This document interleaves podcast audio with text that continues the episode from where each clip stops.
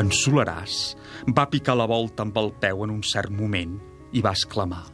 Borratxos de nosaltres. Això ja sona més buit que una tomba. Vaig prendre la galleda per llançar-la dins. Quan la pujava amb la corda vaig veure, enganxat a la nansa, un barret cònic d'aquells que porten els moros, ben vermell, malgrat el bany de vi negre en què nedava feia setmanes. El vaig agafar. No podia creure els meus ulls. En Solaràs em mirava, sense dir res. De sobte, em va prendre el barret de les mans per llançar-lo altra vegada dins el cub i va donar una puntada de peu a la tapa de la trapa.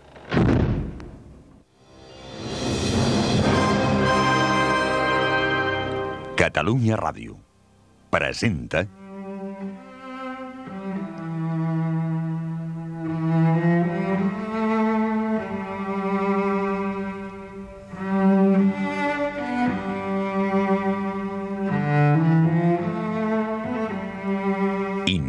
Incerta Glòria, de Joan Sales, en una adaptació lliure per la ràdio d'Oleguer Sarsenedes. Muntatge Ramon Albero. Direcció Juan Germán Schroeder.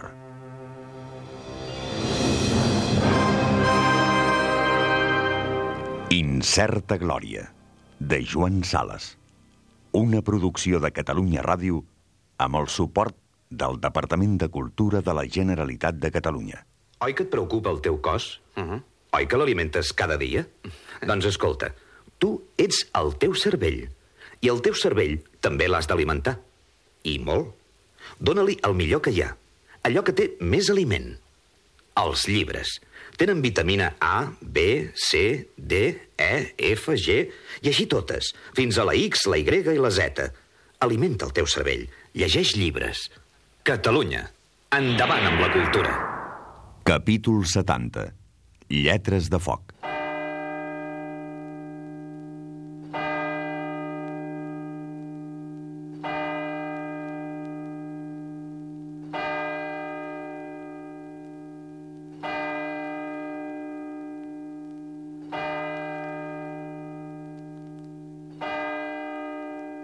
Les set. Aquella vegada al Cafè de la Ronda m'havies parlat d'una nit que en Solaràs et duia fora del campament i... Quina memòria que tens. Sí, va ser mesos després del que t'he explicat de la batalla de l'Ebre, al mig de la plana d'Urgell, poques setmanes abans de la presa de Barcelona. M'arrossegava en plena nit en direcció a les trinxeres enemigues. En Solaràs, aquella nit, estava borratxo perdut. No l'havia vist mai tan borratxo. Feia un vent fred, que ja érem a primeries de gener, i encara que aquell hivern va ser benigne, era la una de la matinada, veuràs. Feia una lluna clara, els homes dormien a l'intempèrie. Al mig de cada grup hi havia una foguera encesa. Eren les darreres setmanes de la guerra a Catalunya. Vèiem les fogueres del nostre exèrcit que seguien les crestes de les ondulacions del terreny dibuixant el nostre front. En vèiem a centenars, potser a milers, a pèrdua de vista. Per contra, els rojos no gosaven encendre'n, perquè a la primera espurna la nostra artilleria feia ploure damunt seu una tromba de granades. De manera que davant nostra només es veia la fosca de la nit. En Solaràs avançava. Veus aquesta negró? Són les tenebres exteriors. És allà que xerriquen les dents. Són els vençuts, els eterns vençuts, els fills de les tenebres, eh, o qui sap si els crucificats. Eh, qui ho sabrà mai. Sigui el que sigui, són els meus. Avançava i m'arrossegava. Jo em sentia intranquil. Un boig és capaç de tot. On em volia dur? Creu-me la moneda. Seria una vergonya. Tu i jo no seríem uns vencedors presentables. amb aquesta pinta que fem. Deixa la meva pinta tranquil·la. On em vols dur? Tu només penses en allò que les dones tenen entre les cames. I no obstant, convé pensar en alguna altra cosa alguna vegada, almenys per variar. Tu només penses en la pobera Miranda i ja et fas la il·lusió que em faràs a gust teu. No caus, que també cada una d'elles té el seu estatut d'autonomia ficat dins el cap, les dones, i que, en definitiva, fan el que volen. La pobilla Miranda no té res a veure amb l'Estatut d'Autonomia. Què t'empatolles? Potser aconseguiràs casar-t'hi. La força bruta fa miracles. Qui gosaria negar-ho? Però ningú, eh? Ningú. Ni Déu del cel, fixa-t'hi bé, ni Déu del cel no podrà impedir que després et posi les banyes més formidables i recargolades que s'han vist mai al món. He dit que ni Déu del cel, i ho repeteixo. No sé si he sentit a parlar del lliure arbitri. Ara el lliure arbitri? On vols anar? No veus que els altres ens caçaran? Els altres? Eh, els altres no existeixen. Que ens enviïn una endenada de morterassos i veuràs si existeixen. No, no, no, no, no, no disputem per tan poca cosa, la moneda. Una endenada de morterassos? Va, va, va. L'únic que interessa és canviar de camp. Canviar de camp? Què vols dir? Passar-se als altres. Passar-se sempre als altres. Però no deies que els altres no existeixen? Precisament. Un s'hi passa perquè no existeixen. El mal és que un cop t'hi has passat, es posen a existir. És per això que m'he passat la vida passant-me. Passant-me sempre als altres. La dona d'un altre, per exemple, sí, sí en té d'atractiu. Però quan amenaça amb convertir-se en la teva pròpia dona, una guerra seria, en definitiva, insuportable com un llit, si no poguéssiu canviar mai de geia, si un no pogués de tant en tant canviar de camp. Una mica de varietat, senyor. Una temporadeta amb els rojos, una altra amb els fatxes, i torna amb els rojos, mentre encara s'hi és a temps. Sempre la mateixa cosa cansa. M'arrossegava cap a un bosc de pins que hi havia entre les nostres posicions i les enemigues. Crec, la moneda, que, que hauríem de tenir un gest de decència i acabar aquesta guerra de l'única manera elegant que tota guerra es pot acabar. O sigui, perdent-la. No vols pas dir que ara... Ara. Ara és precisament el moment ideal, que ni en somnis. Ara que ja no queda cap dubte sobre qui és que perdrà. Encara em va dir moltes altres coses aquella nit. Em va parlar de mil altres bestieses, de talls potables, de tramvies, d'ectoplasmes i de gats morts. A Egipte han trobat mòmies de gats tan ben embolicades com les de Tutankamen. Escolta, Solaràs, si és per parlar-me de Tutankamen que em fas entomar la serena de la nit... La moneda... Et penses que desbarro, quan en realitat estic tractant de fer-te comprendre unes coses massa senzilles perquè les puguis comprendre tu. Tan senzilles. Són les coses més senzilles les que els imbècils comprenen menys. Si et digués tot simplement que no vull que ella pugui pensar-se mai que si vaig desertar les hores era perquè vosaltres guanyàveu, faria el ridícul als seus ulls i amb motiu. I bé, jo, jo vull ser per ella per tota l'eternitat. Algú d'únic. Algú que no va fer mai. Mai res com els altres. Ja veus, doncs, si, si n'és de senzill. En aquest moment el que em preocupa és, és no deixar un record gaire ridícul de la meva modesta persona. No, no m'importa si ella i jo ens veurem mai més en aquest món, però vull que quan pensi en mi... Escolta la moneda, jo, m'he passat la vida fingint el contrari del que sentia.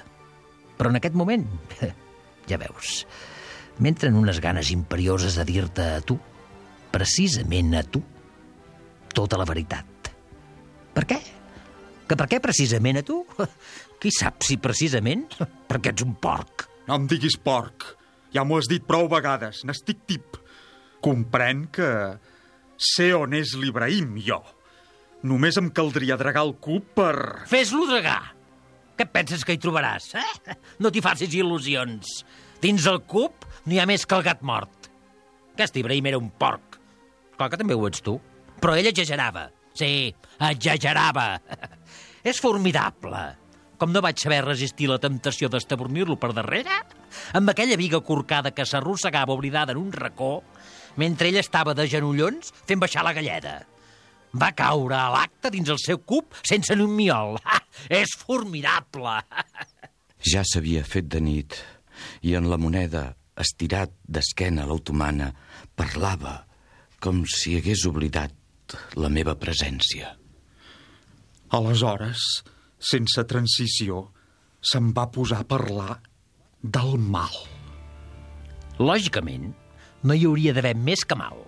I, de fet, és el que sense tenir-ne consciència penseu tots els cartins.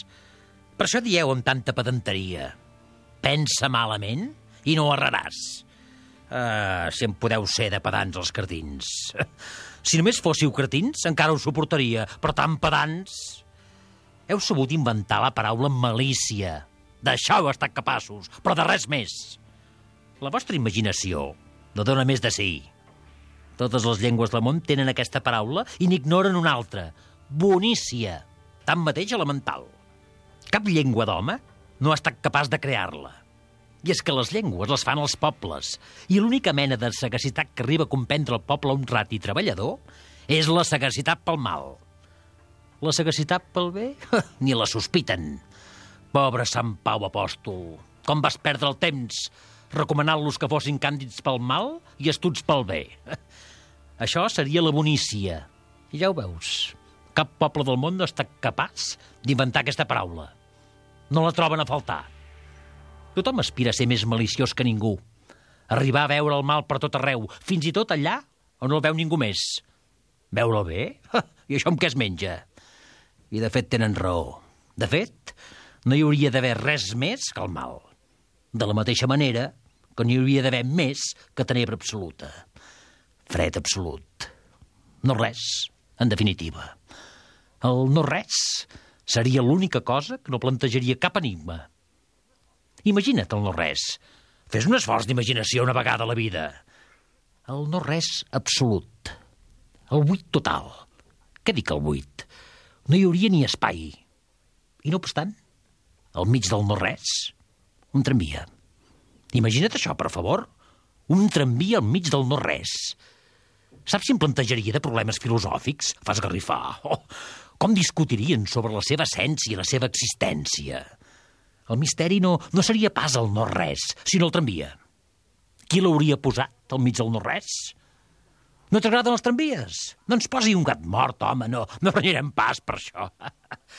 Qualsevol que hi posis, el problema serà el mateix.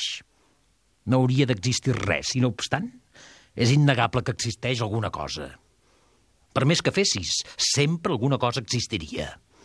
E pur si muove. El no-res es va retirar de fotut. Aquest és el misteri. No hi sé veure cap misteri. Les coses existeixen perquè bé cal que existeixin, carai. Quin misteri hi ha en això? On és el misteri? On? O qui ho sabrà mai? Qui sabrà mai on és aquest misteri que és per tot? Perquè, per exemple, en el moment decisiu que jo anava per fi a tenir la dona que desitjava, l'única que he desitjat de debò, per què vaig guillar? Per què vaig fugir quan anava a tenir allò que més ardentment he desitjat en tota la vida? Quina força se'ns entravessa en moments així? La nostra virtut? Eh, no, no, no, no em faci riure, no, per favor, estaríem frescos. Per aquest camí, un acabaria tenint confiança en si mateix com qualsevol cartí de self-made man. La virtut ens ve de fora. Però d'on? Si et digués que vaig veure de cap a cap del firmament unes lletres de foc que deien no covejaràs la muller del purisme. Si et digués que ho vaig veure amb aquests ulls, no en creuries. I bé, les vaig veure, les lletres de foc. Anaven de ponent a llevant i eren ple dia. És així que ens ve la virtut. Ens ve de fora, quan menys l'esperem, com una al·lucinació, quan més nosa pot fer-nos. Bé, empipar-nos, a no deixar-nos fer que ens daria la gana, a entrevessar-me en el nostre camí en el moment que menys voldríem, ja sé que no comprèn res de tot això. Per això mateix t'ho explico. Si tingués la sensació que ho comprenies, callaria l'acte. Tu ets un viu, incapaç de no aprofitar-te d'una ocasió. Et pensaries haver obrat com un imbècil si... Naturalment. Naturalment.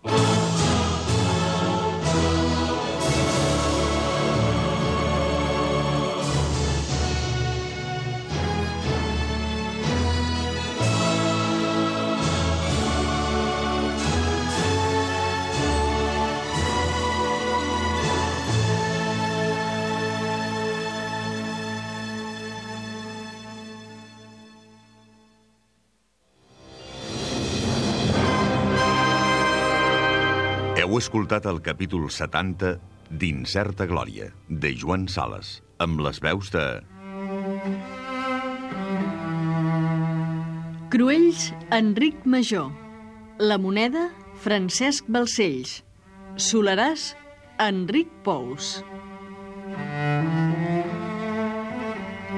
Incerta Glòria, de Joan Sales, una producció de Catalunya Ràdio. Amb el suport del Departament de Cultura de la Generalitat de Catalunya. Oi que et preocupa el teu cos? Uh -huh. Oi que l'alimentes cada dia? doncs escolta, tu ets el teu cervell. I el teu cervell també l'has d'alimentar. I molt. Dóna-li el millor que hi ha. Allò que té més aliment. Els llibres. Tenen vitamina A, B, C, D, E, F, G, i així totes, fins a la X, la Y i la Z. Alimenta el teu cervell. Llegeix llibres. Catalunya. Endavant amb la cultura.